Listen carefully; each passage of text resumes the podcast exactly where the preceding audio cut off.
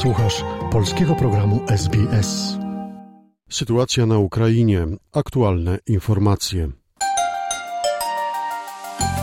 Armia ukraińska odparła ataki rosyjskich wojsk na kierunku Kramatorska, Bachmutu i Słowiańska, a także na południowym odcinku frontu. Poinformował o tym Sztab Generalny Sił Zbrojnych Ukrainy. Rzecznik sztabu Oleksandr Sztupun powiedział, że rosyjskie wojska koncentrują siły w celu utrzymania okupowanych części obwodu hersońskiego, charkowskiego, zaporowskiego i mikołajowskiego, a także stworzenia warunków do wznowienia ofensywy na południu kraju. Rzecznik dodał, że w rejonie miejscowości Wirnopile Bohorydiczne i, i Krasnopile koło Słowiańska, Rosjanie podjęli próbę ataku i rozpoznanie walką, ale ponieśli straty i zostali odparci. Pod miejscowością Werchnokamiańskie koło Kramatorska siły rosyjskie podjęły natarcie w celu poprawy swego położenia, ale zostały zmuszone do odwrotu. Na bachmuckim napręku zafiksowano Na kierunku bachmuckim odnotowano ostrzał infrastruktury wojskowej i cywilnej w rejonach Solidar, Костянтинівка, Яковлівка, Покровське, Вершина, Кодема та Бахмутське. Wszędzie zadziałał przeciwnik. Koło Biłochorywki wróg próbował rozpoznać systemy obrony naszych wojsk siłami grupy zwiadowczej. Grupa została wykryta i unieszkodliwiona. Grupa wyjawlena ta zneszkodzona. W codziennym wystąpieniu do narodu Wołodymir Zeleński powiedział, że pojawiają się pogłoski o organizacji przez Rosjan pseudo-referendów na okupowanych terenach Ukrainy. Miałyby one dotyczyć ich przyłączenia do Rosji. Prezydent oświadczył, że Ukraina nie odda żadnych swoich terytoriów. Pozycja naszej держави залишається Stanowisko такою, якою naszego була kraju і jest раніше. takie, jakie było wcześniej. Nie oddamy niczego, co jest nasze.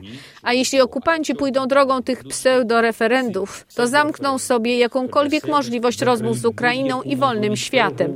Rozmowy te będą w pewnym momencie Тільки potrzebne російській stronie стороні rosyjskiej. Однозначно будуть потрібні w pewny moment. Wołodymir Zeleński dodał, że jest potrzebna szybka odpowiedź społeczności międzynarodowej na rosyjski ostrzał zaporowskiej elektrowni atomowej. Podkreślił, że stwarza to zagrożenie dla całego świata. Pierwszy od początku wojny z Rosją statek handlowy, który zawita na Ukrainę, wkrótce zostanie załadowany zbożem na eksport. W niedzielę widziano statek towarowy Fulmar S pod banderą Barbadosu, płynący w kierunku ukraińskiego portu Czarnomorsk. Ukraina wznowiła eksport zboża w ramach umowy pośrednictwa ONZ z Rosją, aby zażegnać potencjalny głód w niektórych krajach.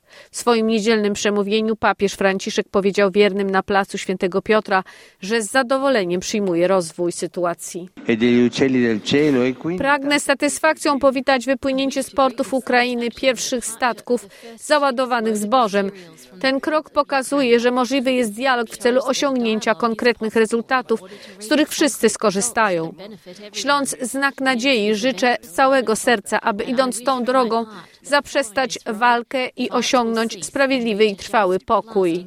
Przed wojną prawie 1 trzecia światowego eksportu pszenicy pochodziła z Ukrainy i Rosji. Około 20 milionów ton zboża z zeszłorocznych upraw wciąż znajduje się na terenie Ukrainy. Daniel Czyżewski z portalu energetyka24.com powiedział, że działania Rosjan na terenie zaporowskiej elektrowni atomowej na południu Ukrainy mają na celu zastraszenie Europy i świata.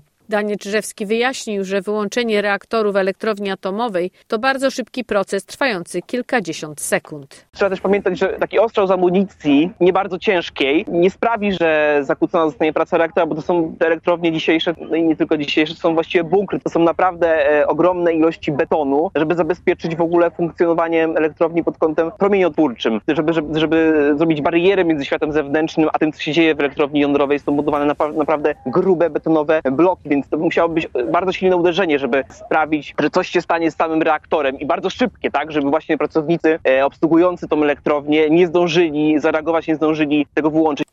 Przez centrum Warszawy przeszedł Marsz Godności. Dwa dni przed drugą rocznicą sfałszowanych wyborów prezydenckich w ich kraju, ubrani w narodowe barwy Białorusini wyszli na ulicę z flagami. Protestujący w ten sposób chcieli wyrazić solidarność z więźniami politycznymi i zwrócić uwagę na represje reżimu Aleksandra Łukaszenki. Żyje Białoruś! Poważane Białorusy, poczynajmy nasz marsz godności. Dwa lata, jak my zmagamy się z dyktaturą w Białorusi. Kiedy dyktatura już skończy się w naszym kraju, to my będziemy świętować ten dzień, kiedy wszystkie Białorusy wyszli na ulicy Białorusi i wszystkiemu miru powiedzieli, że my przeciw Łukaszenka, że my go nie wybierali, że to nie nasz prezydent. Dzieje się chore, wszyscy od tego cierpimy. Nawet osoby tutaj niby są bezpieczne, które są za granicą, ale mają osób w rodzinie, znajomych, które są uwięzione. Tutaj mamy sporo osób z niepełnosprawnością, które stały się skutkiem tych protestów. Ta masakra to stało się częścią naszego życia i że z terytorium Białorusi lecą rakiety wobec Ukrainy, to nikt z nas nie może tego znieść. Podobne protesty odbywały się w 26 miastach świata, m.in. w Białymstoku, Brukseli, Berlinie i Waszyngtonie. Materiał opracowano na podstawie doniesień Newsroomu SBS oraz informacyjnej agencji radiowej. Polub nas na Facebooku, udostępnij innym, skomentuj, bądź z nami na polskim Facebooku SBS.